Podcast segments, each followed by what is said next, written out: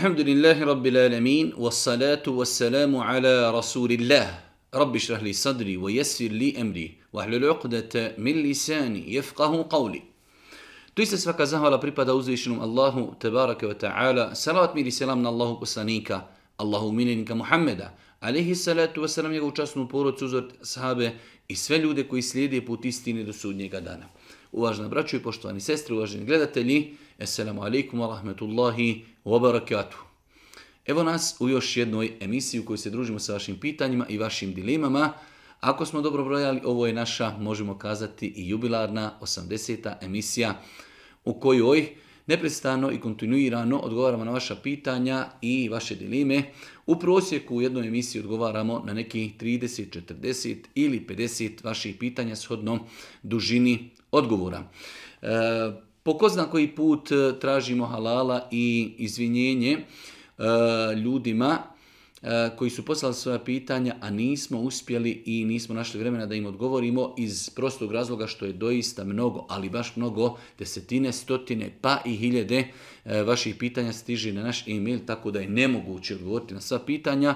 Mi se trudimo da kroz svaku emisiju odgovaramo na pitanja koja još nisu postavljena kako bi jednostavno na taj način ponudili što veću lepezu e, različitih odgovora koje vi naknadno možete poslušati na našem YouTube kanalu. Današnje prvo pitanje ovako, prvenstveno me zanime da li su djeca dužna vraćati dug svoga roditelja. Naime, jedno duže pitanje u kojem e, jedan sin ili čirka pita pitanje da li mu je obaveza da vrati dug svoga oca koji se zadužio na jedan čudan način, jednostavno e, mnogo novca od privatni, znači privatni novac, a s druge strane i mnogo mu njegova djeca daju novca, ali uvijek u nekim e, dugovima, pa je pitanje da li je djeci obaveza da e, vrati e, dug njihovih roditelja. Islamski učinjaci u svojim knjigama su kazali da osnova je da djeci nije obaveza da vrati dug svojih roditelja, bez obzira da li za njihova života ili nakon njihove smrti. Znači, jedno veliko pravilo koje su postavili islamski učenjaci, djeci nije obaveza da vrati dugove svojih roditelja e, kako za njihovog života, tako i nakon njihove smrti. S tim što, ako su doista dugovi uzeti e, s pravom, Znači uzeti su u potrebi, pohvalno i lijepo je kao vid dobročinstva da se e, dug roditelja vrati od strane njihove djeci. Pohvalno i lijepo ako su dugovi uzeti u potrebi. Što znači, ako bi dug bio uzet e, zbog, ne daj Bože, haram ili neki drugi stvari koje nisu potrebne, tada znači svakako da djeci nije ni pohvalno ni lijepo da pomognu u vraćanju takvih dugova. Ali ako se radi o dugu koji je uzet u potrebi, onda je vid dobročinstva da djeca pomognu svojim roditeljima, kako za života, tako i nakon njihove smrti, da vrati njihove dugove. E, apsolutno mi nije jasno, jedni kažu da se moraju izgovarati harfovi u namazu onakvi kakvi su krupni harfovi i tako dalje. Možete li pojasniti kako izgovoriti to u sebi? Znači, jedno pitanje je e, i nejasnoća čovjeku kako da čovjek kada klanja namaze koji se uči u sebi kao što je i kindija i podni namaz, kako čovjek da pravi razliku između krupnih i e, sitnih ili mehkih harfova e, e, prilikom učenja Kur'ana. Definitivno, tačna je konstatacija da prilikom učenja Kur'ana postoje i krupni harfovi, a imamo isto tako mehke harfove. E sada, kada čovjek uči u sebi, nemoguće je izgovarati i praviti razliku u krupnoći zato što jednostavno nije došlo do e, izgovora harfa, a prilikom izgovora harfa dolazi e, do razlike da li je harf krupan ili je, ili je mehak.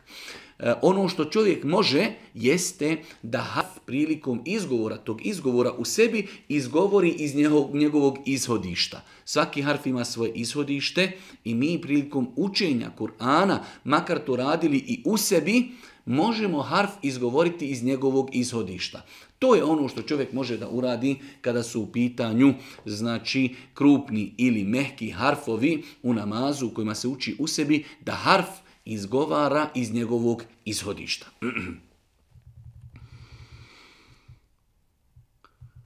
Čuo sam hadis kojeg je zabilježio imam Taberani, a prenosi od Ebu Hurire da je došla zabrana klanja nazi na mezarju. Zanima me kako postupiti ako boravimo u mjestu u kojem se dženaza klanja na mezarju. E, generalno gledajući Allah poslanik ali se letu selam izrekao je hadise u kojima je zabranio da se klanja namaz općenito na mezarucima. S druge strane, mi imamo hadis Božih poslanika, ali se letu selam da kada je umrla ona žena, crmkinja, koja je čistila džamiju, pa su klanjali dženazu, nisu Božji poslanika obavijestili o tome, pa je Božji poslanik naknadno otišao kod njenog mezara, u mezarlucima, i klanjao je dženazu. Tako da na osnovu toga, e, znači islamski učinjaci spojili su između hadisa u kojima se zabranjuje klanjanje namaza u mezarlucima, između postupka Božih poslanika, ali se letu selam, da se u mezarlucima ne mogu klanjati drugi namazi, ali se može klanjati dženaza, pogotovo Pogotovo ako u mezarlucima imamo e, nešto kao što je musalla. na, u velikom broju slučajeva kod nas u Bosni i Hercegovini u jednom dijelu mezarluka ima dio gdje se klanjaju dženaze. Ako Bog da, ako čovjek E, klanja dženazu unutar mezaristana, ali je to na dijelu musalli koja je određena za klanjanje dženaza, ako Bog da namaz je svakako ispravan. Namaz je svakako ispravan. E, svakako da namaz, sam ko namaz, bolje da se ne klanja unutar mezarluka, baš zbog tih zabrana, ali ako se klanja na posebnoj musalli, posebno i musalli e, unutar e, mezaluka, inšala biznila da je namaz u takvoj situaciji ispravan baš zbog postupka Božih poslanika, alihi salatu wasalam. Da li se može saba klanjati odmah po nastupanju zori? Zora u 5.30, da li se može klanjati saba u 5.35? Ovo je jedno specifično pitanje. Osnova je ako znamo da tada je nastupio sabah namaz, da možemo. Znači onog momenta ako na vaktiji piše podni nastupa u 1.30, mi već u 1.35 možemo klanjati podni. Ako u vaktiji piše da sabah nastupa u 5.30, mi već u 5.35 možemo klanjati. Samo je pitanje e, da li je doista dotična vaktija tačna ili ne, pošto znamo doista u savremenom vremenu da postoji jak razilaženje u pogledu određivanja kada nastupa sabah namaz. Ja lično sam e, nekog stava ispred ostrožnosti, čovjek treba da bude siguran da je nastupio sabah i tada će ga klanjati. Ali onog momenta, ako je čovjek po vaktiji siguran da je ta vaktija ispravna i da je tada nastupio sabah, znači e, nakon onog e, perioda, vremena ili e, minutaže kada je to definisano, čovjek nakon toga može u osnovi klanjati. Samo je sada sporno, znači pošto imamo doista jedan vid odstupanja u pogledu određivanja sabaha, nastupanja sabahskog e, znači namaza, postoji razilaženja u vaktijama čak i do pola sata, ako ne i više. Tako da e, u pogledu toga savjetujem da čovjek klanja sabah onog momenta kada bude siguran da je sabah nastupio. Moje pitanje je da li je dozvoljeno ženi da kaže bratu muslimanu da ga voli u ime Allaha. Pa je žena napisala da malo duži tekst u kojem govori o sebi i njenoj ljubavi prema dajama, ulemama, šehovima i tako dalje.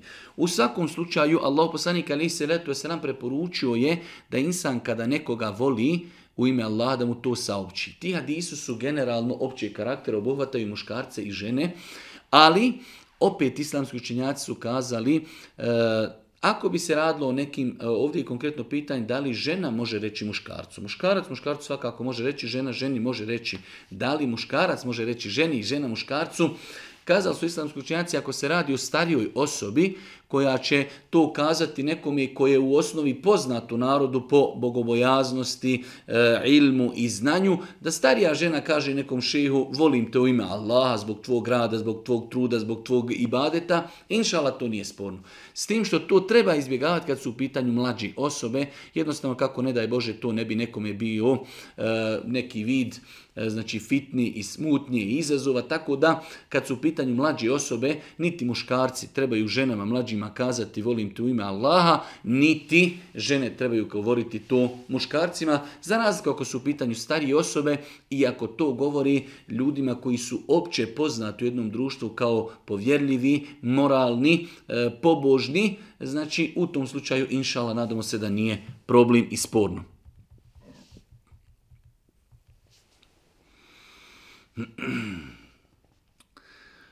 Kako se čovjek odnosi prema danas sve češće pojavama, pogotovo kad je u pitanju familije, da mladi zajedno žive, bez da su bilo kako vjenčani, pa se nekad zna i dijete naći iz takvih življenja. Znači, pitanje ovdje kako se opobjediti prema e, kategorijama ljudi, omladinac, živi sa djevojkom, nije se sa njom vjenčao i dobili su dijete. Da li ići tu na neku, da kažemo, slatku, da li to odobravati ili ne, svakako da je odgovor ne.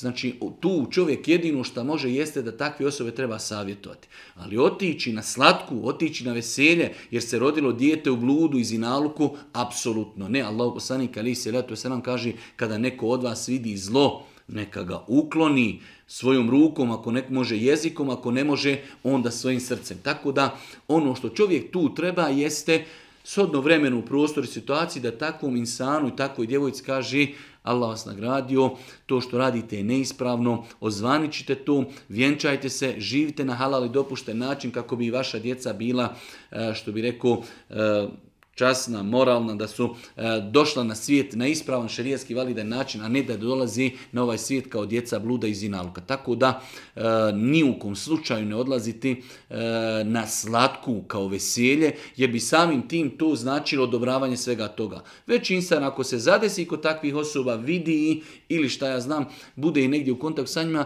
treba da ih posavjetuju da to što rade je apsolutno neispravno.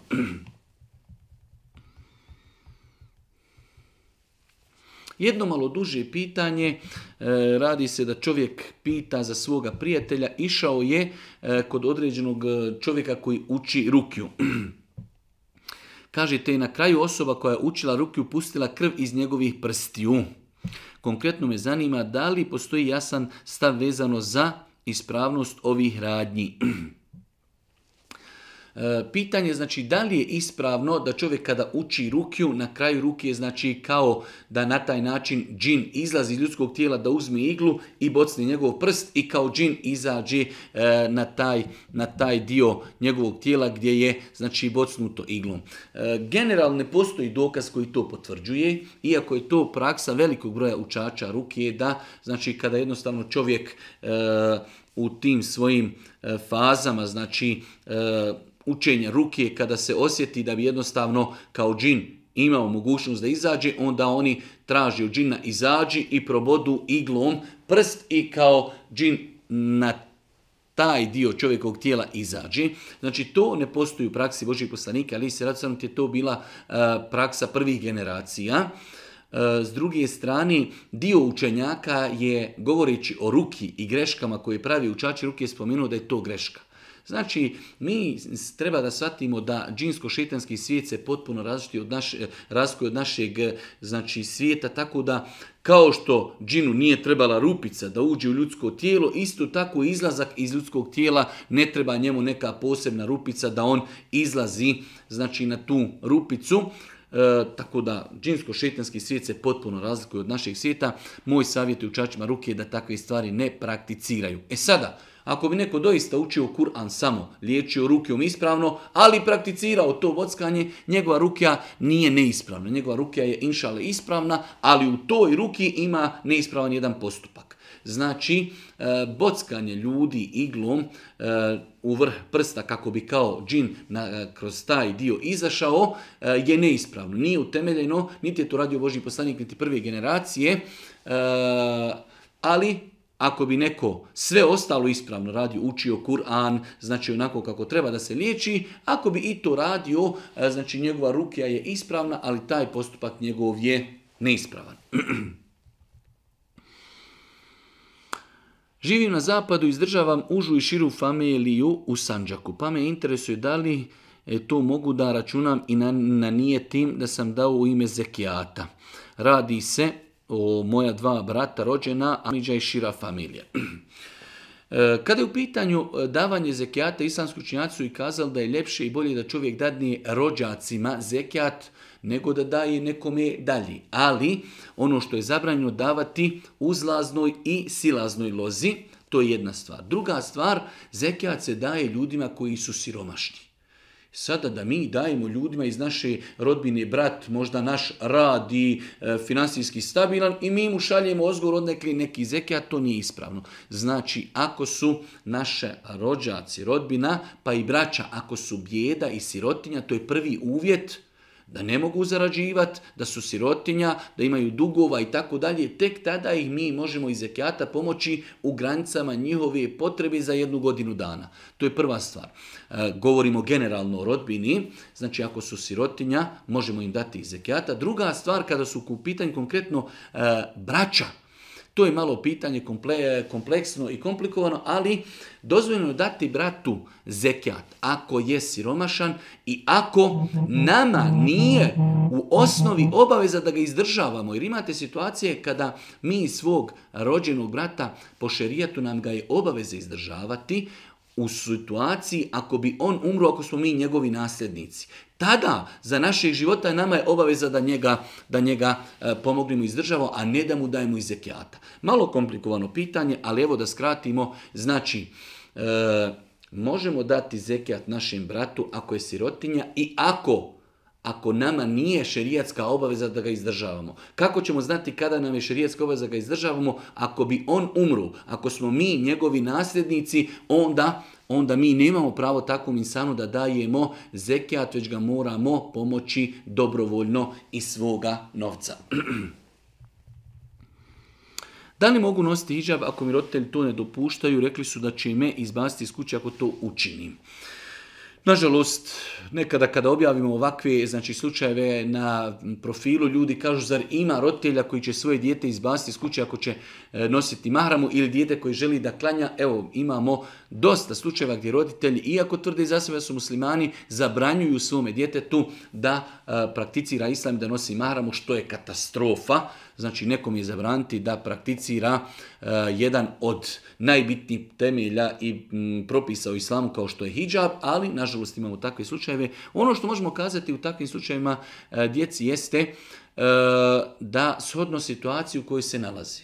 Ako doista su njihovi roditelji znaju od njih da su ozbiljni i da će dijete izbaciti i dijete nema mogućnost da samo zarađuje mlado dijete 13, 14, 15 godina, znači u takvoj situaciji Allah najbolje zna E, dijete je u stanju prisili. Nekoga je prisilio da ne može nositi hijab, trudit će se da nosi što širu odjeću, suknje, košulje dugih rukava ako ne može već nositi mahramu, a svakako trudit će se e, da u što skorije vrijeme, ako već nije punoljetno dok napuni punoljetstvo, da traži situaciju gdje će se osamostaliti, samo živjeti ili udati se i na taj način dobiti uvjete da prakticira vjeru onako kako je to naređeno. Tako da, znači, odgovor djevojčicama koji žele da nose mahramu, a roditelji im to zabranjuju, kažemo, ako znate da su doista roditelji ozbiljni, imate nekad roditelja ono malo kao e, zaprijeti, ali dijete zna da to, ako bi dijete počelo nositi mahramu, da neće biti ništa od toga.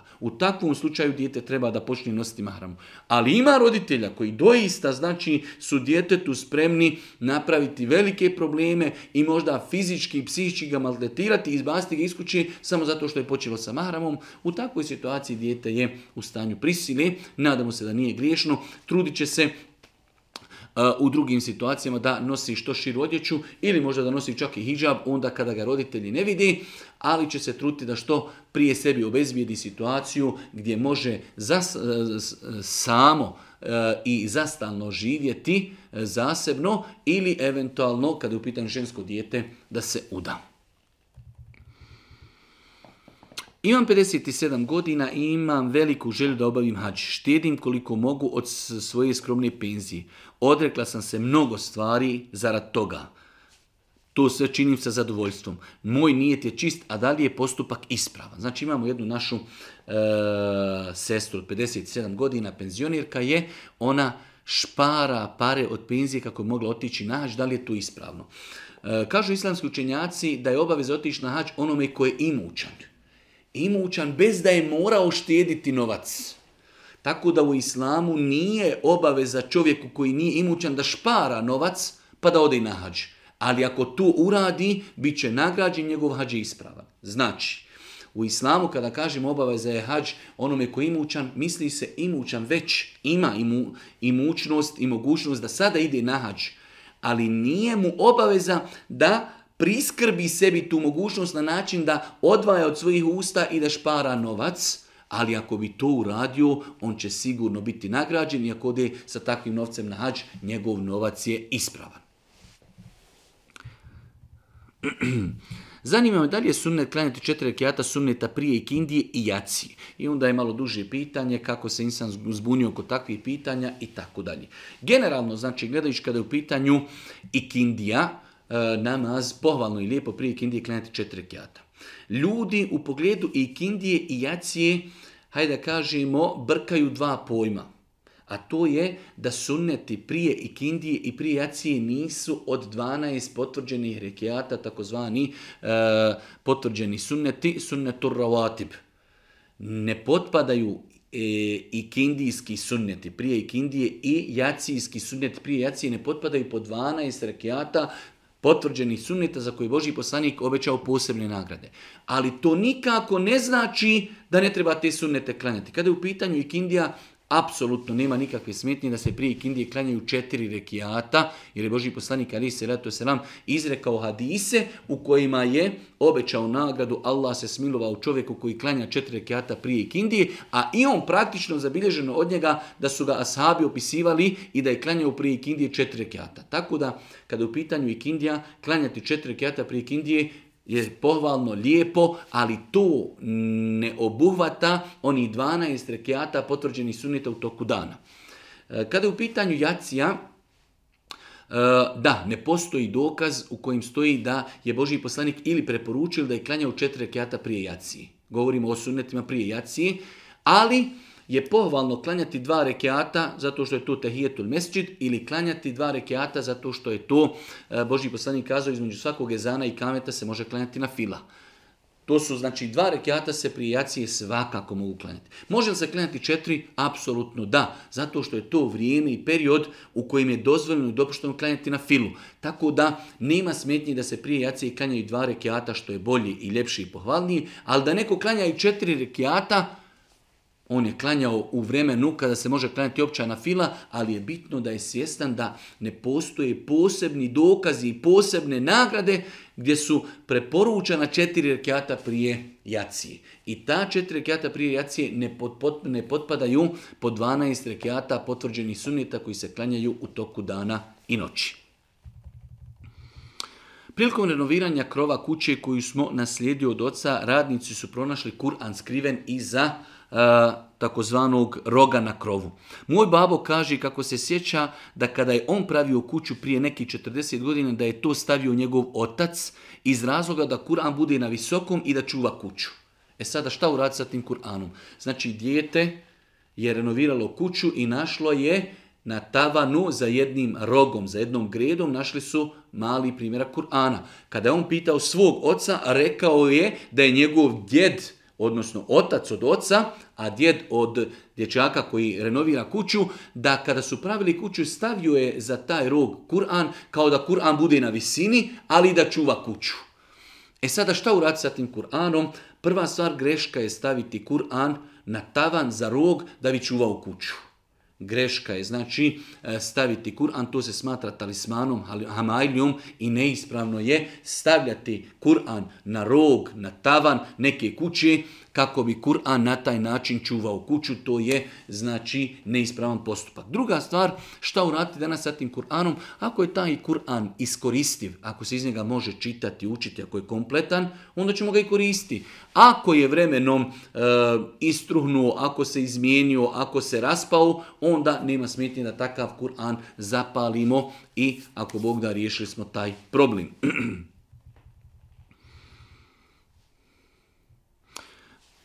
Jedna moja drugarca mi je rekla da je negdje pročitala da kada čovjek svaki dan prouči po jednu strancu Kur'ana, da će ga Allah zaštiti od kaburske patnji.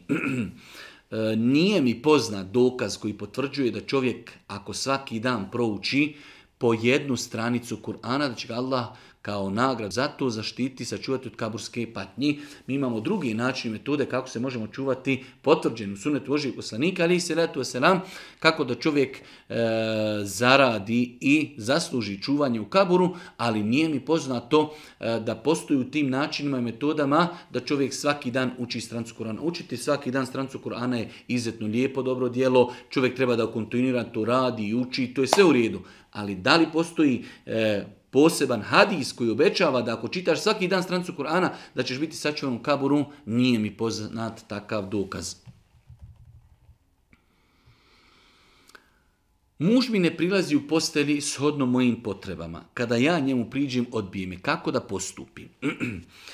Nažalost, veoma često putem e-maila, a i putem mobitela dobijemo pitanja u kojima se jedno od dva supružnika žali na drugu u pogledu intime, iako mnogo češće žene, ali ima i obrnuti slučajeva gdje se sestra žali da ljudi jednostavno ne ispunjavaju njihove intimne potrebe.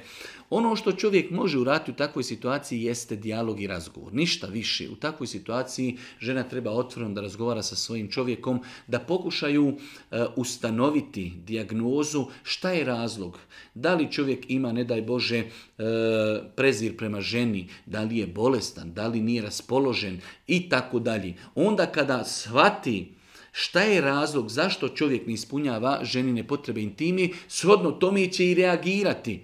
Pa ako se ispostavi, ne daj Bože, e, da je problem zdravstveni, onda će se liječiti. Ako je problem vezan za džinsko šetansko djelovanje, što može biti, onda će ići na rukju. Ako je problem e, nedostatak pažnje od supruge, onda supruga treba da se e, pod navim znacima potrudi dodatno oko muža i tako dalje. Ali ako je muž zakazao u pogledu pitanja žene intimi, a to je, pa, pazite, česta pojava i grijeh prema supruzi. Znači čovjek kada ženi svoju suprugu, njemu je obaveza da je obezbijedi hranu, piće, stanovanje, odjeću i da ispuni njene, da ispuni njene intimne potrebe, njene seksualne potrebe. Čak, znači, islamski učenjaci su govorili, ako čovjek e, bi došao u situaciju da se razboli ili tako da ne može ispuniti ženine intimne, seksualne potrebe, žena ima e, legitimno pravo od njega da traži razvod braka kako ne daj Bože ne bi pala u nemoral, kao što smo imali ovdje e, pitanja gdje žene kažu da razmišljaju, dolazi im se potreba da uradi nemoral i grijeh kako bi e, upotpunili svoju potrebu. Tako da ono što žena može ako primijeti da njen muž ne ispunjava njene potrebe, da sa njim otvoreno lijepo razgovara. Muškarcima je teško prihvatiti da se razgovara o toj temi i teško im je zato što su muškarci prihvatiti činjenicu da ne mogu ispuniti ženi njene potrebe intime, ali ne postoji drugi e, način osim da se razgovorom ustanovi gdje je problem, nakon toga da se rješava taj problem, ako bi problem i dalje ostao, a žena ne može se strpiti, ne može više saburati, žena ima pravo da traži razvod braka.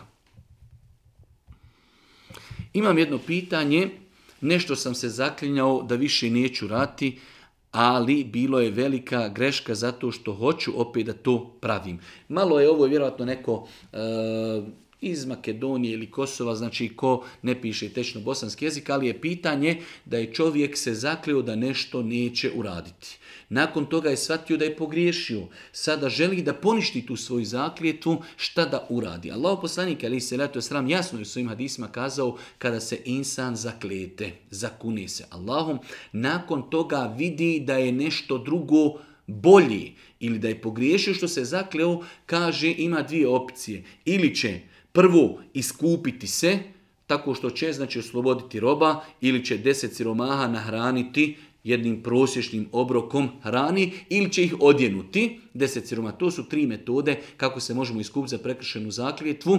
Ako ni jednu od ove tri, niti osloboditi roba, niti možemo deset siromaha nahraniti nekom prosječnom hranom koju mi jedemo, niti možemo odjenuti e, deset siromaha, tek tada ćemo postiti tri dana. E, rezime je da možemo prvo iskupiti se pa prekršiti zakljetvu, a možemo znači prekršiti zakljetvu na način da ako smo rekli neću to i to raditi, čovjek to počne raditi. Tada je on šta? Prekršio zakljetvu. Iskupljenje za prekršenje zakljetve je da oslobodimo roba ili da deset siromaha nahranimo prosječnom hranom i porcijom koju mi jedemo ili da ih odjenimo. Ako to nijedno ne možemo, onda ćemo tri dana postiti i zakljeta koja je bila je poništena. Da li je meni dozvoljeno biti bez hijjaba ispred zeta, čirkinog muža? Da, znači zet, čirkin muž je trajni mahrem svojoj punici. Znači punica i zet, eh, je trajni mahrem, što znači čak sutra kada bi zet razveo tu čirku, on i dalje ostaje mahrem svojoj punici i i dalje nakon braka sa njom može putovati i poselamiti se i ona može pred njim biti eh, bez mahrami. To su nekim u normalnim okolnostima. I e, ako bi bile određeni eh, indice, pokazatelji, e, ako je možda punica mlađa, ako je zec znači e, blizu godinjama, ako bi ona primijetila da on nju gleda nekim pogledom e, kako gleda druge žene, već u takvim situacijama, to su vanredne situacije, žena treba da bude pokrivena i pred svojim zetom, ali govorimo o generalnom propisu, znači žena može biti otkrivena pred svojim zetom, može se sa njim poselamiti, ne mora nositi mahramu, može sa njim putovati na putovanjima e, gdje iziskuje se da sa ženom bude mahrem, pošto je zet, znači e, trajni mahrem svojoj punici. Imam jedno pitanje, da li djeca moraju nositi grijehe svojih roditelja? niti moraju, niti hoći. Da li djeca moraju nositi grijehe svojih roditelja? Neće. teziru waziratun uhra. Na više mjesta Allah Đešanu Koranu kaže niko ničije grijehe nositi neće. Tako da roditelji, ako su, ne daj Bože, činili nemoral, pili alkohol, varali, krali, djeca sa tim nemaju ništa.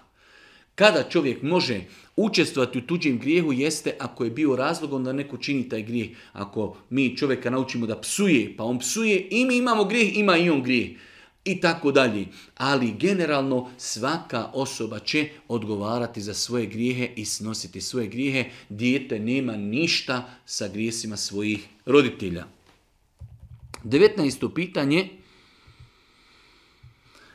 Prije nekoliko dana moja nana je preselila na Ahiret. Međutim, moja majka je odlučila da je ukopa na mjesto na kojem nije sigurna da li je moja nana htjela da bude ukopana i tako dalje. Sada njih grize savjest, da li su ispravno postupili i tako dalje.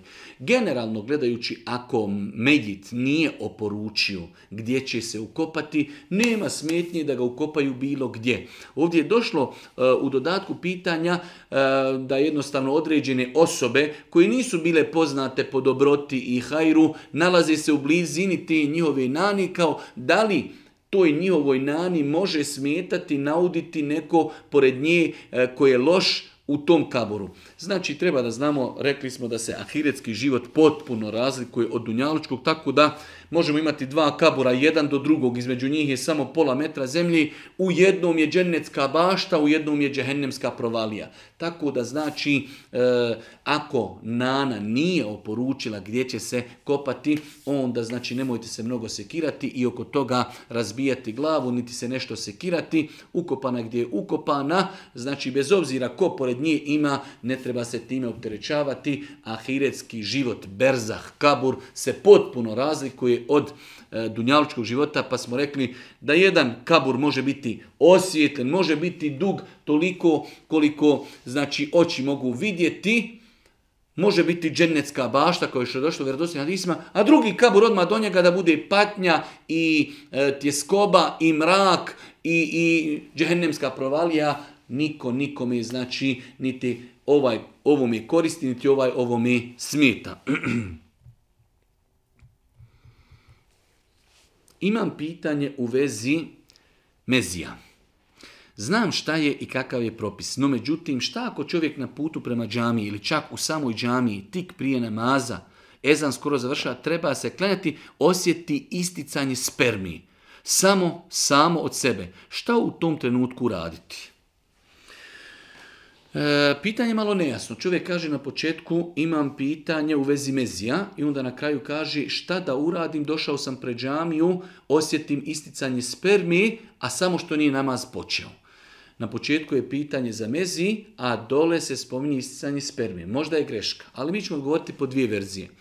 Znači, isticanje, isticanje mezija e, iz muškog spolnog organa kvari abdest. Pod jedan, nečisto je, treba oprati spolni organ, treba oprati testise i uzeti ponovo abdest. Tako da insan koji je došao pred džamiju osjetio isticanje, prva verzija je da je to bio mezi, ako je osjetio isticanje mezija, čovjek će otići u abdestanu, otiće u toalet, znači e, opraće spolni organ, opraće zajedno sa spolnim organom testise, ako se je desilo da je e, dio mezija kapnu na odjeću, opraće taj dio na odjeći, nakon toga će lijepo abdestiti iako Bog da njegov namaz je validan i ispravan.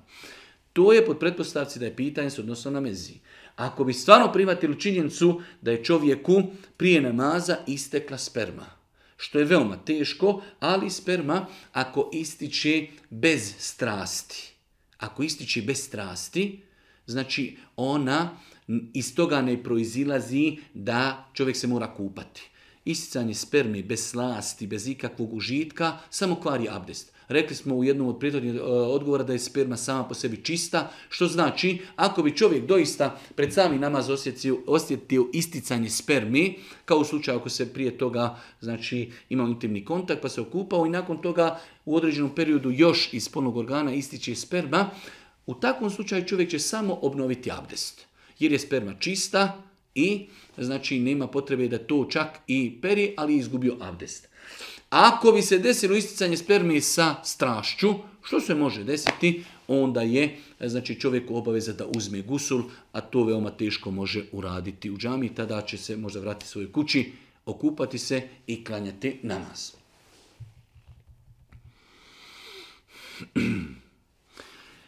Da li je grijeh igrati karte u sokove? Imam prijatelja koji završio medresu i kaže to nije grijeh. Ja sam pitao, pa šta to znači u sokove? Igra se tura karata i onda ko izgubi, on plaća onome ko je pobjedio. Takav način e, kartanja je zabranjen, apsolutno potpada pod pojam kocki. Bez obzira da li je ulog u igranju karata novac, krava, tele, sokovi, bilo šta drugo, ako ima ulog i igramo, onaj ko pobjedi dobit će, onaj koji, onaj koji izgubi će morat nešto platiti, to se u islamu smatra, smatra kockom. Tako da to što je nešto kao halal, hajde igramo u porciju čevapa, igramo u e, e, čašćenje sokom, to što je sok halal ili čevapi halal ne znači da je dozvoljeno da, bud, da se igraju karte u neki ulog. Generalno pravilo, bilo kakav ulog u igri karata, ako pobjediš dobiješ, ako izgubiš plaćaš, smatra se kockanjem. Smije se koristi gušća mast? Mast od guski. Guska je životinja jestivog, znači, hajde da jestiva životinja. Ako se zakolje na ispravim validan način, njeno meso je halal i sama e, činjenica ta, onda i mast od te guske se može koristiti da li za vanjsko ili unutarnje, unutarnje liječenje. E sada, ako bi se desilo, znači guska u osnovi je jestiva životinja, ako je na ispravan širijetski način zakoljemo, njeno meso i njena, njeno salo sve je dozvoljeno konzumirati.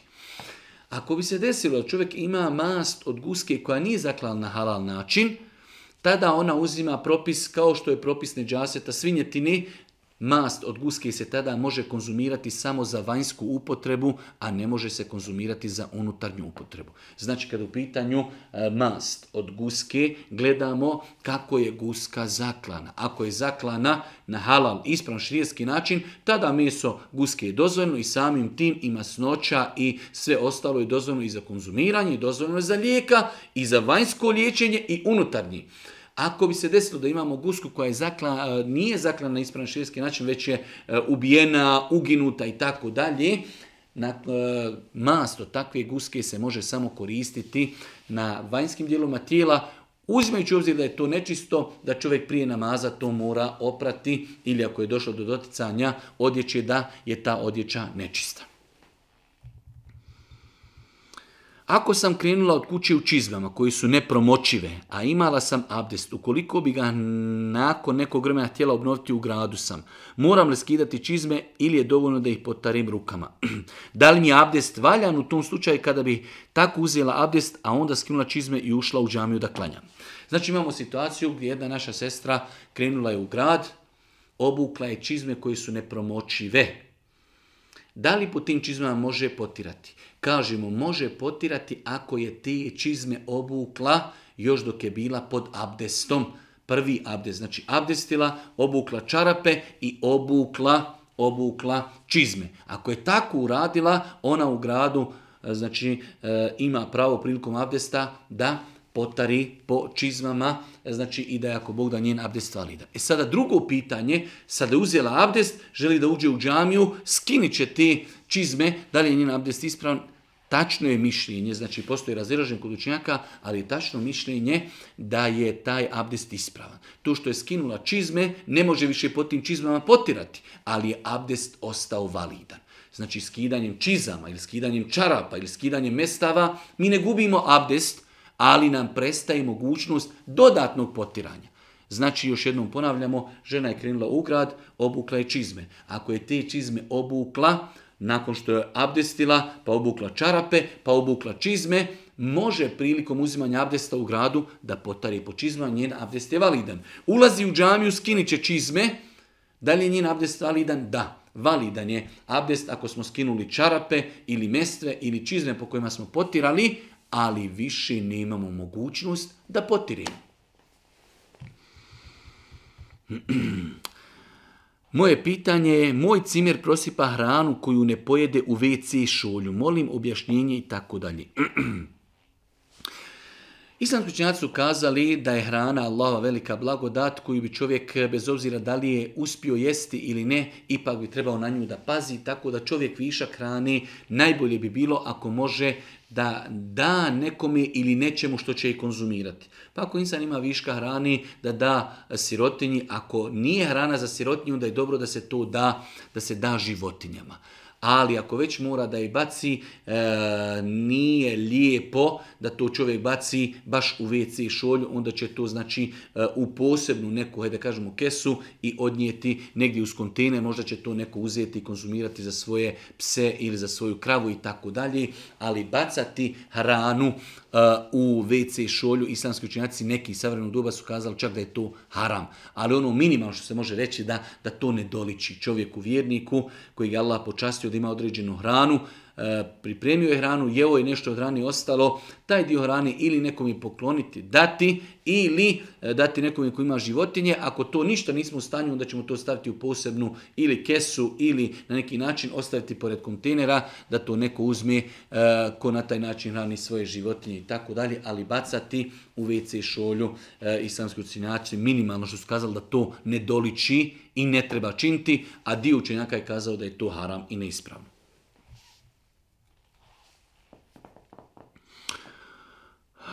ako moje stanje da mi poje. Ujutro rano idem na posao, tako da je zora tek kada budem u putu prema poslu, a putujem javnim prijevozom. Kako mogu klanjati sabah namaz? Znači čovjek putuje i u putu nastupa sabah namaz. Kako može klanjati sabah namaz? Putuje javnim prijevozom.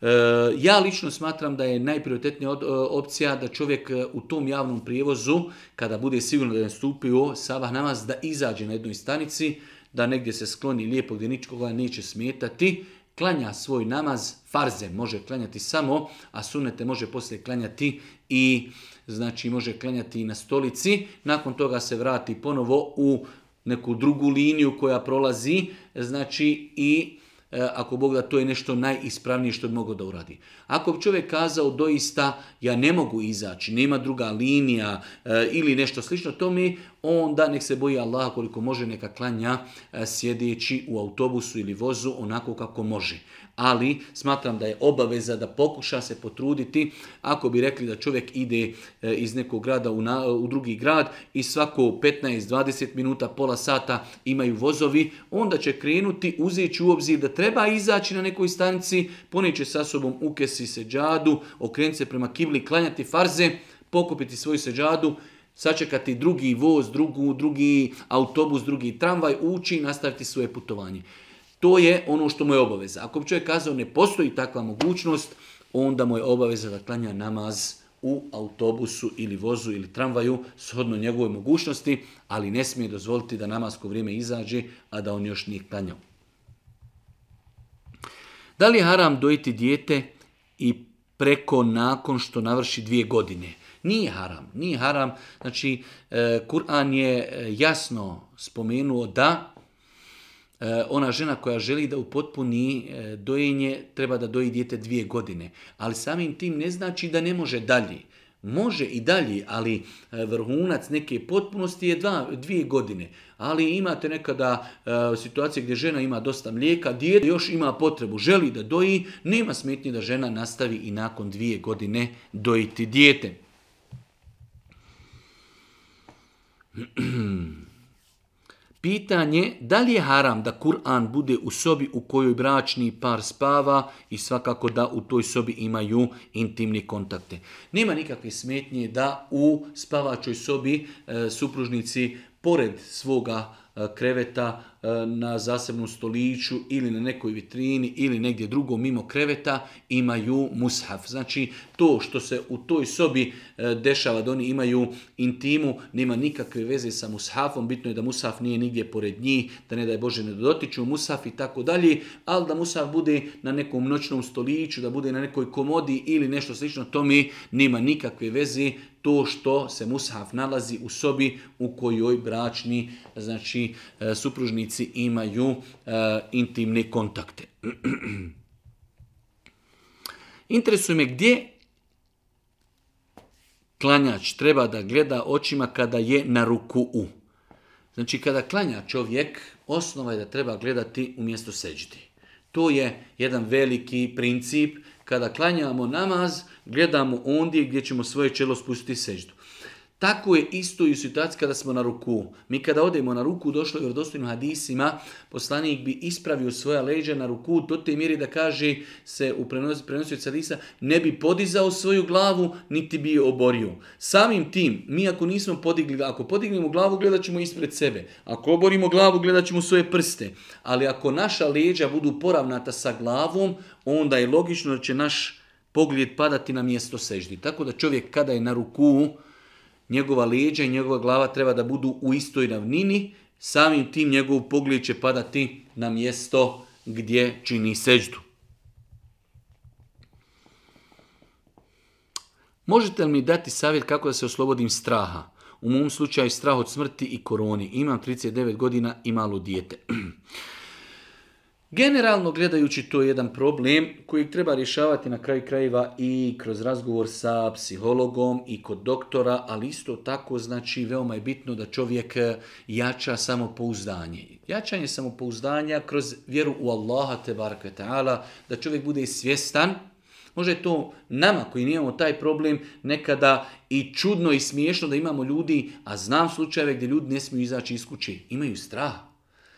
U takvom slučaju prva stvar spoznaja Allaha, njegove veličine i naše potrebe za Allahom, s druge strane da se ne može ništa desiti osim ono što nam je propisano. Kul len illa ma Allahu Reci, neće nam se desiti ništa osim što nam je Allah odredio i propisao. Tako da čovjek, ako je svjestan činjenici da mu se ne može desiti ništa osim ono što mu je Allah propisao, onda nema nikakve potrebe da strahuje. Ide iskuće kao što izlaze svi drugi, izlaze djeca, izlaze stari, ide na posao. Znači, ako mu bude propisano, on se treba čuvati, treba dezinfekciju i sve to, ali ako mu bude propisano da dobije koronu i da umri, on se ne, on to ne može apsolutno nikako izbjeći. Tako da čovjek treba da istinski vjeruje u Allaha, da se oslanja na Allaha, da dovi Allahu da ga sačuva, Članovi porodice trebaju da budu e, uz takvu osobu, da ju pomognu kroz razgovor, kroz dijalog, kroz e, odvođenje do doktora, kroz izlazak u šetnju, hajde samom zajedno, hajde da prošetamo, pogleda, eno djeca se igraju,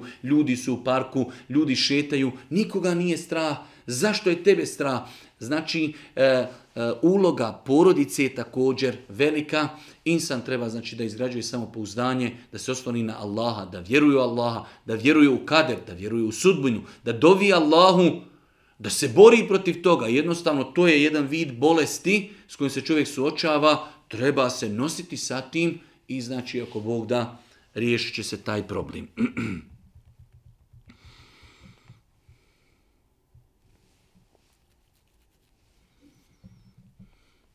Čovjek je napisao jedno malo duže pitanje, uglavnom imao je problema tri godine sa sihrom, liječio se, izliječio se, ali eto on je to nekako shvatio da mu to radi njegova rodbina, ima li pravo, može li se on zbog toga odreći svoje rodbini.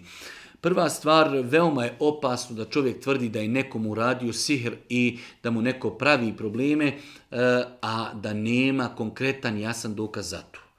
Nažalost, velik broj ljudi povjeruje govoru džina iz ljudi da su oni, da je neko taj taj napravio sihr i onda ljudi vjeruju tome što je neispravno. Ne smije se vjerovati džinima u njihovoj tvrdnji ko je, koji je napravio sihr određenoj osobi. To je prva stvar. Druga stvar, ne može se čovjek u islamu nekoga odreći. On je, ako evo rečemo, ne može se roditelj nikad odreći svoga djeteta. On je tvoj, ti si ga rodio, on kad bi bio najveći kriminalac, on je tvoj. Ti ga možeš bojkotovati, ti se možeš od njega eh, izolirati, ali on je tvoj. On se vodi taj, taj sin, tog i tog. On je tvoj, ne možeš ga se odreći. To ne postoji. U islamu ne postoji da se nekog odrekniš. Jer je to krvna veza. Ali čovjek, ako doista eh, ima dokaze, i vidi i svata da određen dio njegove rodbine, e, kao što je došlo ovdje u pitanju, nakon što se čovjek e, izliječio, pravi probleme njegove djeci, onda čovjek ima potpuno širijetsko pravo da u datom momentu se izolira od tih ljudi, da ih ne posjećuje i tako dalje jednostavno i da ih bojkotuje zbog njihovog postupka. Ali odreći ih se, ne može ih se odreći, ali ih može e, znači bojkotovati i može shodno opet potrebama ili bojkotovati totalno ili opet shodno potrebi. Ako su se muž i žena naslađivali, a nisu imali odnos, uslijed čega je žena e, muža zadovoljavala, te on otišao kupao se, ona nastavila i tako dalje. U svakom slučaju pitanje je da li supružnici nakon oralnog naslađivanja imaju obavezu da se okupaju. Oralno naslađivanje supružnika ne obavezuje ih gusulom. Oralno naslađivanje supružnika ne obavezuje supružnike gusulom. Osim ako su oni prilikom oralnog naslađivanja doživjeli ejakuliranje sjemena i ako su doživjeli znači orgazam, tada je onome koje je to doživio obaveza da se okupa. Znači samo oralno naslađivanje supružnika ne obavezuje supružnike na e, kupanje. Ako u tom oralnom naslađivanju nije došlo do doticanja muškog spolnog organa i ženskog spolnog organa, odnosno ulaska muškog spolnog organa u ženski spolni organ. Ako je to samo bilo oralno naslađivanje i ako nije došlo do ejakuliranja sjemena ili do orgazma, onda gusul nije obaveza. Ako je jedno ili oba supružnika doživjeli orgazam ili ejakuliranje semena, onda im je obaveza da se okupaju. Jedno malo duže pitanje gdje nam čovjek postavlja pitanje e, u vezi konkursa gdje ljudi unaprijed znaju ko će biti primljen putem šteli zato što je čovjek politički opredijeljen i dobio je posao putem političkih linija i tako dalje. E, kako Islam gleda na takvo pitanje? E, generalno, znači, kad su u pitanju konkursi, e, da čovjek dobije posao putem šteli ili vezi, može biti u jednoj od dvije situacije. Prva je situacija da on nije najkompetentniji od svih ljudi koji su konkursali, on na taj način čini zulum, nepravdu i zbog toga će odgovarati na sudnjem danu da je zakinuo ljude. Ako je čovjek aplicirao sa boljom diplomom, sa boljom strukom, sa boljim iskustvom i neko prođe samo zato što je podoban, samo zato što je politički opredjen, samo što je član neke stranke, to je haram u islamu. To je haram u islamu. E, s druge strane, ako ne bude još kompetentan i plata koju zarađuje mu je haram. Znači imamo dva pitanja, dobio je način na haram način, dobio je posao na haram način, dobio je posao na haram način ako je u konkurenciji bio neko koji je bio prioritetni da dobije taj posao, znači on ga je zakinuo i odgovarat će na sudnjem danu e, zato što je zakinuo brata muslimana u njegovom pravu. Ako nije kompetentan i platu koju zarađuje, na takav način takva plata mu je haram.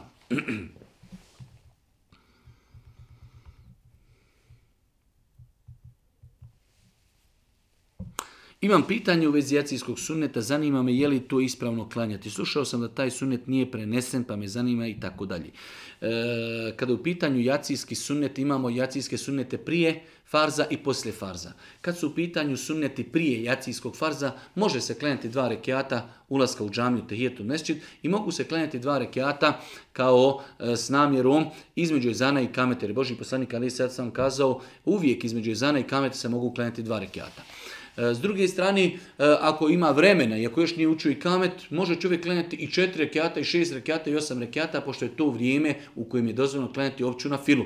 Ali ne postoje posebni hadisi u kojima Boži poslanik preporučio poseban broj da se klanja prije jaciji. Što se tiče znači jacijskih sunneta prije farza, e, ne postoje potvrđeni sunneti, može se klenjati dva rekiata, kao dva rekiata tijetul mešćida ili da se klanjaju sa namjerom dva rekiata između jezana i kameta. Može se klanjati četiri rekiata, ali nisu to nikakva četiri posebna rekiata.